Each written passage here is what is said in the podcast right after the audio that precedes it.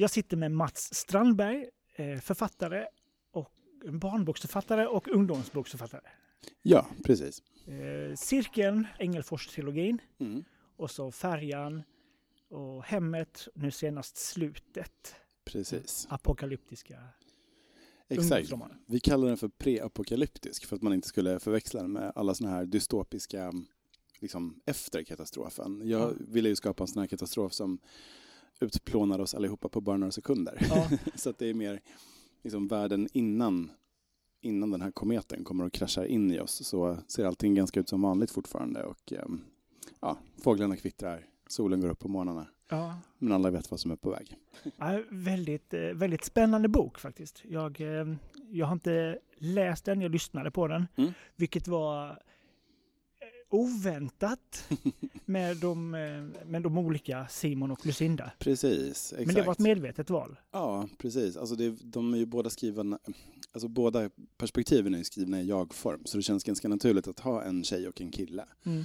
Och sen också eftersom Simon är mixed så kändes det bra att ha en, alltså en inte vit kille helt Ja. enkelt, som läste in honom. Så det är Kristoffer Lehmann och tjejen är Hedda Stiernstedt. Mm. Ja, det var svårt i, i början att komma in i. Men tänka det, sen var det ju svårt att eh, tänka sig boken utan det Mm. till slut. Mm. Ja men verkligen. Jag kan, jag kan verkligen tänka mig det. För det, jag, just, eh, nu, nu ska jag inte nörda ner mig så mycket som blir så obegripligt för någon som inte har läst boken. Men, men Mm. Lucindas kapitel, den, den kvinnliga huvudpersonens kapitel är skriven i en slags dagboksform. Och jag tänkte liksom att så det är väldigt skrivet just. Ja. Liksom. Men eh, fick man känslan av att hon nästan läste in istället? Att det var en sån Ja, det läsning, fick man. Eh, att det var, eh, för jag tänkte på det jättemycket sen, att man kanske skulle gjort en sån app där Mm. folk hade fått skriva in sina apokalyptiska dagbokstankar. Mm. Det hade nog varit ganska svårt. Jag skulle inte vilja moderera dem känner jag. Nej, lite så känns det som. Ja, vi tänkte prata om skräck. Mm.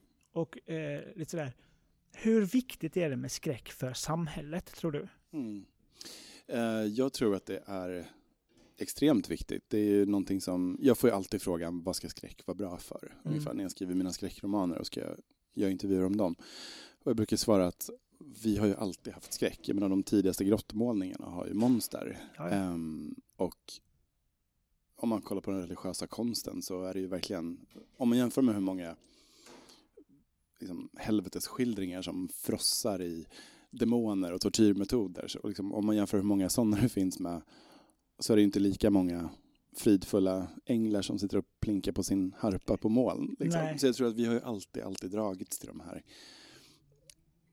Ja, men, ja, men, vi vill bli rädda tror jag. Jag tror det är väldigt, väldigt mänskligt eh, Ja. beteende att här, våga se monstren i, i vitögat och utsätta sig för det här. Eh, fast på ett säkert sätt kanske. Ja, för jag läste att ju värre det är runt om i världen Mm. vid, ett givet tillfälle, desto mer skräck kommer det ut i böcker och filmer. Att det blir ett sätt att hantera skiten runt omkring. Mm. Precis, jag, jag tror att det där kan stämma. Så både och. Jag tror inte det var så mycket skräck under just andra världskriget. För då kanske man verkligen hade fått så att det verkligen räckte med verklighetens skräck. Men Mm. jag tror att i sådana här tider som vi är i nu, där, där allting känns väldigt i upplösningstillstånd och inget är, det känns som att allt är någon slags gungfly och bara, vad, vad håller, vi är på väg in i någonting nytt, men vad är det? Den sortens liksom, oro Ja. i samhället tror jag verkligen bäddar för, för att man ska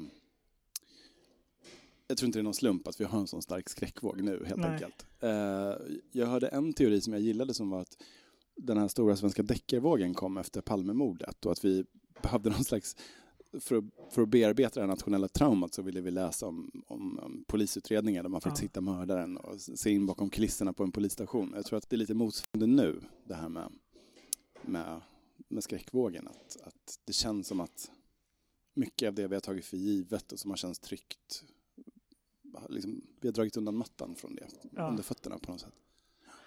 Vad, vad gör dig rädd? Eh, alltså verkligheten.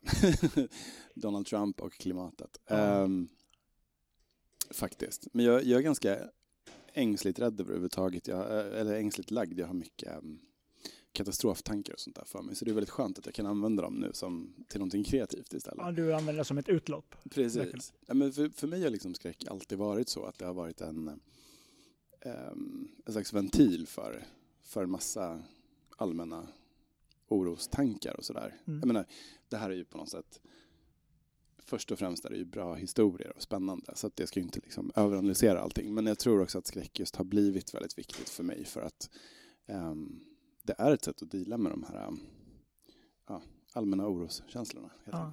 Mm. Är det skillnad på skräck inom böcker, film och eh, tv-spel, tror du? Alltså är det några olika slags skräck man ska berätta och hur man upplever det? Ehm, alltså det finns ju så många olika sorters skräck också inom böcker och inom, eh, jag menar om man jämför färjan som jag har skrivit som är väldigt så här splattrig och väldigt mycket inälvor och blodsprut och geggigt och grötigt och Ja. Äckligt liksom. Och sen är hemmet istället väldigt kuslig och har nästan ingen body count alls. Och, Väldigt suggestivt. Ja, liksom. precis. Och nästan som en spökhistoria. Så det är klart, det finns ju massa olika sorters eh, skräck också inom. Men, men det som är, när man skriver böcker, man kan ju inte ta till de här eh, lite enklare knepen som att ta hjälp av musik eller Nej. att ha en sån här katt som hoppar ur ett skåp för att skrämmas. Eh, så man får, ehm, man får jobba med det på ett annat sätt eh, och försöka försätta läsaren i någon slags tillstånd där man känner att man är, att man är med. Ja. Eh, Men sen, sen måste jag säga att jag, har, jag är ganska ny på tv-spel och jag älskar ju att spela skräckspel. För att det är ju nästan som när jag var liten och kollade på skräckfilm. Att Ja. man är så... Eh, att man nästan inte vågar, man är så nervös redan under förtexten och man bara shit, jag kommer inte klara det här. här för det, jag är så avtrubbad på skräckfilm nu så att det är sällan jag blir rädd på riktigt. Men, men så det är så härligt att bara få gå återvända till em, spel och få vara den Ja. konsumenten igen. Har du något spel du spelar som du gillar mest Ehm, just nu? Alltså, eftersom jag är så pass ny så är Until Dawn är ju skitbra för någon Ja. som mig. För det är så enkelt rent så med kontrollerna och sådär. Mm. Och jätte, jätteroligt. Um, En snyggt eh, upplagt och det är en bra story bakom det. Ja, det verkligen. lite... ja men verkligen. Och så är karaktärerna väldigt irriterande på samma sätt som de alltid är i så slasherfilmer Ja. också. Så det, det är nästan som nostalgi fast det, ja. Men sen gillar jag Alien Isolation också. Mm. Och ehm, sen har jag spel, nu håller jag på och spelar, Åh, vad heter det då? Ehm, man, är ner, man är någon slags reporter, detektiv, something, smyger runt i ett gammalt mentalsjukhus. Det här kanske är liksom alla skräckspel. Nej, det är inte Men- The Evil Within. Det är Outlast. Ja, precis. Ja. Fast jag har liksom fastnat i källaren nu. Ja. jag, är bara arg och kommer inte vidare. De säger att VR ska ju ta skräck till en helt ny nivå. Ja. Resident Evil 7 ska vara det värsta som finns.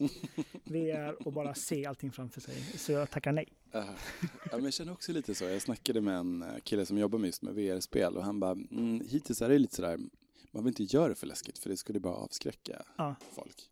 Så, um, I don't know. Nej. Jag ska ju på sånt här zombie survival, eh, alltså sånt där som ett escape room fast med Ja, zombies. ja, vad nu. Om ett par veckor. Jag är livrädd. Det är nog inte riktiga zombies. Men man vet ju aldrig. Någonstans börjar det ju. Ja, men det är det där med att man inte vet riktigt hur man reagerar Nej. själv. Jag har faktiskt ingen aning om hur jag blir. Sådär. Någonstans så tänker man nog i början så här, "Ah, det är ju ett zombie survival, det är inte riktiga, jag kommer vara ganska cool ung. Ja. Och Sen så kommer den här paniken. Ja, och lik förbannat kan man ju bli lite rädd om någon hoppar fram och Ja, ja. liksom rycker tag i en. Ehm, ja, vi får se hur det går. Jag kanske fastnar i en grimas. Och, här kanske är min sista intervju innan jag blir knäpp. Vi kommer bli tokkända. Vi- Ja, precis. Vad, jag tänkte, de som inte ser den här podden, vilket Mm. är väldigt få människor som tittar in. Eh, du har en tröja på dig, Ja. I know, I killed Laura Palmer. Yes, Och så pratar du om din tatuering, ja, Firewalk with me. precis. Det var lite dubbel upp Twin Peaks här Det idag. blev det. Mm. Då kommer ju en sån här osökt, finns det en demon inom alla människor? tror du? Eh, alltså, Har alla en bob inom sig? Ja men alltså ibland kan det kännas så. Vet du om jag ska vara riktigt så här, så här nu har jag inget filter för jag har precis suttit på en scen och gaggat. Så nu, nu blir det kanske så lite mer än vad du bad om eller vad man ska säga. Men, men, men jag var mm, sjukskriven för stress för, ja nu är det ju tio år sedan. Mm. Ehm, och jag är ju så himla glad över att vi, det finns mediciner och terapi och sånt idag. Men jag tänkte väldigt mycket på just ehm, medeltiden eh, och liksom förr i tiden överhuvudtaget. Att, att om, om just det här att inte känna igen sig själv och verkligen känna som att så här, men det här är inte jag. Så här, Mm. Det här är något som vill mig ont. Alltså, jag, jag, jag trodde förstås inte det, men jag kunde verkligen känna hur nära till hands det måste ha varit att tro att det var någonting Alltså- övernaturligt eller någon som hade tagit över ens kropp. Just när man inte känner igen sig själv är så fruktansvärt obehagligt. Så eh, jag har definitivt känt, känt känslan av att ha en demon i mig Ja. faktiskt. Där Innan upplysningstiden så var det ju inte så lätt. Det fanns inte Wikipedia då. Nej, det gjorde inte det. De hade, fast de hade ju å andra sidan väldigt så här, um, enkla, raka svar i en begränsad källa. Liksom. Det var ju bara att kolla i Bibeln så Ja. fick man veta. Är du en häxa? Eh, nej, det är jag inte. Sjunker du? Mm. Ja. Attans. Mm. Du dog, men du är ingen häxa. Ja, exakt. Så himla bra. Ja. Jag har en, en bokfråga också faktiskt. Mm. Inte bara... Du har ju skrivit eh, om just Engelfors-trilogin. Mm. Min, min partner eh, läser den just nu, eller lyssnar på den. Mm. Och hon, hon kom med frågan att är det inte svårt, eh, och nu kanske jag spoilar för någon, Mm. jag ber om ursäkt för det. Men I andra boken tror jag det är, det är en tjej som står uppe på taket. Det är på det första boken. är det första boken? Mm. Uppe på taket. Och eh, hennes shapeshifter-pojkvän Mhm. knuffar ner henne. Alla tror att det är Mhm. självmord. Är det svårt sådär att... Har du Fast det är inte han, så du, har, Nej. du har faktiskt inte spoilat något, utan precis, det är Mm. inte, precis. Mm. Eh, Men sådär, man, har, man får väl en, eh, en koppling till sina karaktärer man skriver. Mm. Är det svårt att ha ihjäl dem då? Eller är Ehm, det så här? Alltså det, där, nej, men det är liksom en blandning av att man kan känna sig lite hemsk men samtidigt vara väldigt nöjd för man vet att det här är bra för storyn och det kommer att chocka folk. Mm. Ehm, men just i fallet med henne och också i för, allra första kapitlet i första boken, Cirkeln, så är det också en kille som heter Elias som blir mördad. Ehm, så det kan man ju verkligen säga utan att spoila. Ehm, men, men båda de dödsfallen hade vi, ehm, jag och Sara då som skrev böckerna tillsammans, vi hade bestämt oss för det här redan från början. Så att vi var väldigt inställda på det. Så det, det kändes faktiskt inte så jobbigt för vi var mer Just i hennes fall tänkte vi faktiskt mycket på Psycho, filmen, Mm. där man följer Janet Leigh och tror att hon ska vara huvudperson i hela filmen och så dör hon i mitten. Ja. Det, är, det är så himla mindfucking och det är så kul. Och det är så, ja, eh, vi var väldigt inspirerade av det och också att just den karaktären känns väldigt mycket som den klassiska huvudpersonen i en så young adult Ja. fantasybok. Ehm, så vi var väldigt nöjda med greppet att visa läsaren att så här, ingen går säker i den här världen. Nej. Ni kan inte lita på någonting. Så så, så, så långt var allting okej, men sen däremot när vi eh, och nu kan jag verkligen inte prata utan att spoila, men när i den här genren är det inte så att bara för att någon dör så är de borta för alltid. Så att Nej. säga. De kan ju, och också att vi lärde känna karaktärerna runt omkring bättre och bättre och liksom ehm, fick vara med om deras minne av de döda och då började vi känna oss ganska hemska och elaka. Ja. Och sen kom fasen när vi spelade in film och castade de här rollerna och blev så himla förtjusta i skådisarna och då känner man sig också väldigt hemsk. Ja. man bara, för då blir det så konkret att den här Gustav Lind som är fantastisk då, som spelar Elias i cirkeln. Att man bara, okej, och du är sådär grym och eh, hade vi varit 17 hade vi blivit så kära i dig och nu dödar vi dig. Du pratade på scenen här innan om eh, att du, du skapar en relation till dina karaktärer. Nästan Mm. är det som att de, att de finns, eh, tar du med dem i vardagligt eh, liv och du ger Eh. dem någon slags förkroppsligande? Ja, precis. Alltså jag har väl någon slags... ehm, det är väldigt mycket anteckningar i mobilen om man säger så. Jag, Mm. Det är hela tiden grejer man kommer på som man bara, just det, det där skulle nog Lucinda tänka på. Eller, ja, så. Men jag brukar jämföra med att lajva annars, när jag skriver just. Att jag sitter och... ehm, om jag skriver ett kapitel om Marianne på färjan, som är den här ensamma pensionärstanten som vill uppleva ett sista äventyr och Ja. hoppar ombord på en Finlandsfärja. Då är jag liksom Marianne och jag vet precis vem hon är, vad hon tycker om saker, vad hon är rädd för, vad hon hoppas på.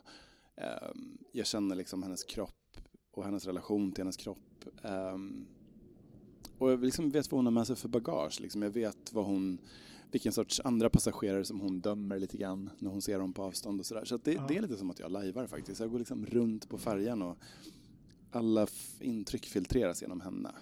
Och likadant då förstås alla andra karaktärer också. Ja. Så det, det är väldigt kul, det är det roligaste Ja. med jobbet. Eh, sista fråga. Mm. Eh, du har en väldigt spännande bokserie nu Mm. eh, på gång i höst, eller? Eh, Precis. med Eller du- terapi. Ja, precis. Ehm, den kommer i januari om allting går som det ska. det är jag och Jenny Jägerfeldt som är författare och psykolog. Vi, eh, ja, den heter helt enkelt Monster i terapi. Det kommer bli en väldigt snygg bok eh, och förhoppningsvis bra innehåll också. Vi eh, låter klassiska litterära monster gå i terapi i nutid. Ja. Så till exempel Frankenstein, Victor Frankenstein, Elizabeth och varelsen går i familjeterapi. Så försöker vi fixa deras problem innan monstret så att säga blir ett monster. För det är samma sak med Dorian Gray och med um, Dr. Jekyll och Mr. Hyde. Och så. De går ju faktiskt att rädda innan de börjar, liksom, in, om, om, om, om man haffar dem vid rätt tillfälle så att Ja. säga, så kan man faktiskt hjälpa dem förhoppningsvis innan de går överstyr Ja. helt och hållet. Det ska bli väldigt intressant att eh, läsa dem. Ja, men tack. Ja, men vi har väldigt kul själva i alla fall, så det är väldigt bra tecken hoppas jag. ja, det är huvudsaken. Ja. Tack så mycket för att du ställde upp. Ja, men tack så jättemycket, Och- det var superkul. Lycka till i höst och så. Tack. Tack så